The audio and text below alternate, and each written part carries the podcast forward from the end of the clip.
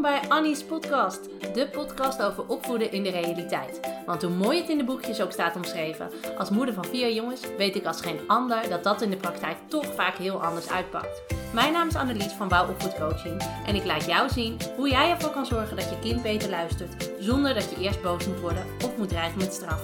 Op een nuchtere, praktische, humoristische en realistische manier.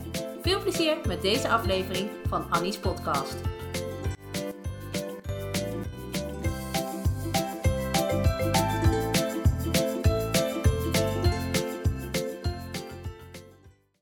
Hey, goed dat je luistert naar een nieuwe aflevering van Annie's podcast. En misschien hoor je het wel een beetje, maar ik ben een beetje schor. Verder gaat het goed met me, maar ik ben bij de vrienden van Amstel geweest. En ja, dan uh, is dit het gevolg. Um, in deze podcast wil ik uh, met je delen dat wij een nieuw gezinslid hebben. En ja, eindelijk een meid in huis. Nee hoor, um, we hebben een hondje. We hebben een, uh, een puppy. En ze heet Teddy en ze is heel schattig.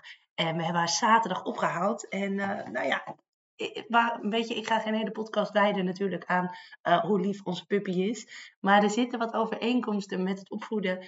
En uh, ja, die wil ik eigenlijk heel graag met je delen. Dus daar wil ik het met je over hebben in deze aflevering van Annie's podcast. Want ik zal je heel eerlijk zeggen, we hebben er zaterdag opgehaald. En de jongens doen het heel goed, hè. Ik bedoel, ze kwamen zelfs vanochtend met de stofzuiger aan. Want ze hadden hagelslag geknoeid. En uh, ja, Teddy mag geen chocola. Dus uh, wilden ze dat gauw gaan opruimen.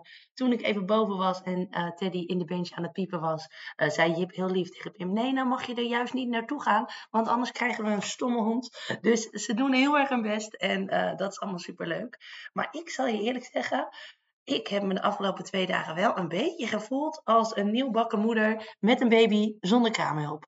Want heel eerlijk, ja, uh, ik heb nooit honden gehad. Ik heb nooit. Uh, dus ik heb eigenlijk geen idee hoe dit allemaal werkt. En um, ja, dan dacht ik, ja, waar doe ik goed aan? Geen idee wat ze wil. Uh, misschien moet ze plassen, maar hoe zie ik überhaupt of ze dan geplast heeft? Um, ja, ze heeft nog heel weinig gegeten. Is dat erg? Ze heeft eigenlijk ook nog niet zoveel gedronken. Is dat erg? En op een gegeven moment um, zat ze te huilen in de ren. Want we hebben een ren voor haar uh, in huis. Zodat ze, nou ja, we hebben natuurlijk vier jongens. Uh, en regelmatig vriendjes over de vloer. Zodat ze niet de hele dag bedolven gaat worden uh, onder de jongens.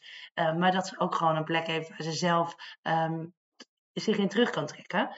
En de Foxstar had ons ook geadviseerd van, joh, ga daar, daar gelijk het eerste weekend mee oefenen, uh, zodat ze ook leert om zichzelf te vermaken. Uh, en uh, niet gelijk, nou ja, weet je, dat, dat ze gelijk aanleert dat ze niet de hele dag bezig gehouden wordt. Want dan ga je later alleen maar profijt van. Nou, wij gedaan.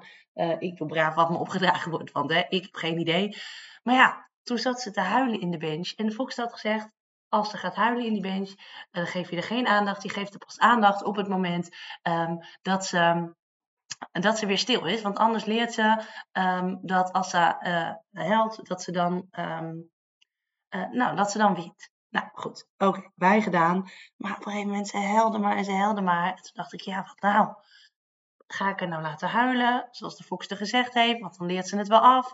Of is dit toch wel zielig? Want ja, ze is pas net bij ons, ze moet nog wennen. Uh, gaan we er dan toch naartoe om te troosten? Nou ja, vragen, vragen, vragen. En gelukkig mogen we de de appen met al onze vragen. En gaan we ook vanaf volgende week op puppycursus. Uh, dus hoeven we het wiel niet helemaal zelf uit te vinden. Want het is gewoon best wel lastig. En nou ja, dat. Dus ik voelde me echt zo'n moeder met een pasgeboren baby die voor het eerst uh, een baby heeft en eigenlijk nog geen idee heeft hoe het nou allemaal precies werkt. En het grappige is, ik deelde gisteren een poll op Instagram en 96% van de mensen die reageerden, en dat waren er behoorlijk wat, uh, die gaven aan, ja, tuurlijk doe je een puppycursus. Dat zou ik ook doen als ik net een puppy had. En dat vond ik cool, want weet je wat ik namelijk wel het vreemde vind? Waarom is het nou zo logisch om op puppycursus te gaan? En waarom wordt dat eigenlijk, automatisch ervan uitgegaan als je een puppy krijgt? Dan ga je op puppycursus, want je wil graag je hond goed opvoeden. En je wil graag uh, nou ja, dat hij lekker mee kan draaien in het gezin. En dat je straks niet uh, zo'n irritant beest heeft dat overal tussendoor springt en uh, nergens naar luistert. Dus puppycursus is logisch. Maar waarom vinden we het dan zo'n taboe om hulp te vragen bij het opvoeden van onze kinderen? Waarom? En dat is echt oprechte vraag. Waarom vinden we het logisch om hulp te vragen bij het opvoeden van een hond?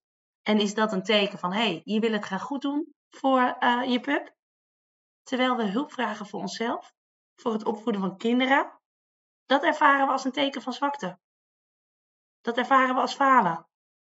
Alsof je dan een slechte ouder zou zijn, waar je je eigenlijk voor moet schamen. Dat is toch gek? Laten we het alsjeblieft met elkaar uit die taboes weer gaan halen. Weet je, het is geen schande als je het opvoeden lastiger vindt dan je van tevoren had gedacht. Ook het opvoeden van een kind heb je nooit eerder gedaan, hè? En je kan niet alles weten. Kijk, een hond. Ehm, wij zijn geen honden. Dus ik denk dat het hem daar een beetje in zit. We zijn geen honden. Dus, dus uh, proberen we op deze manier meer over honden te weten te komen en, en erover te leren. Maar je hebt ook nooit eerder een baby gehad. En het feit dat je er wel al eens eerder eentje hebt vastgehad, of dat je misschien, um, nou ja, hè, uh, in de opvang werkt of um, zelf uh, een zusje had vroeger.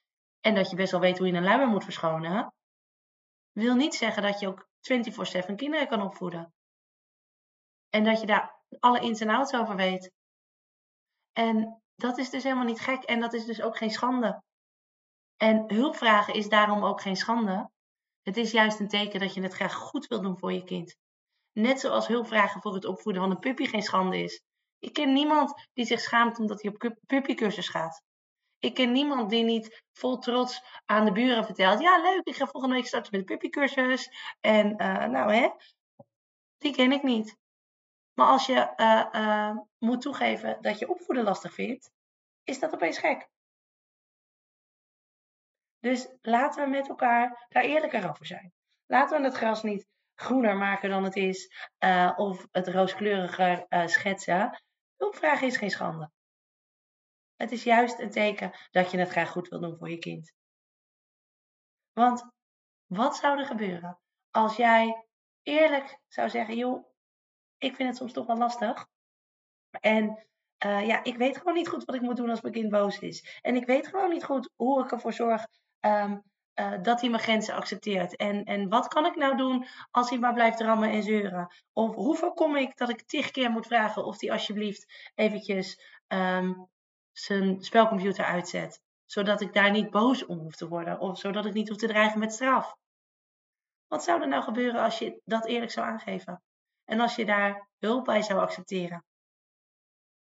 Dan kan je dat omdraaien. Dan kan jij ervoor zorgen dat die strijd over die alledaagse kleine dingen, dat dat verdwijnt.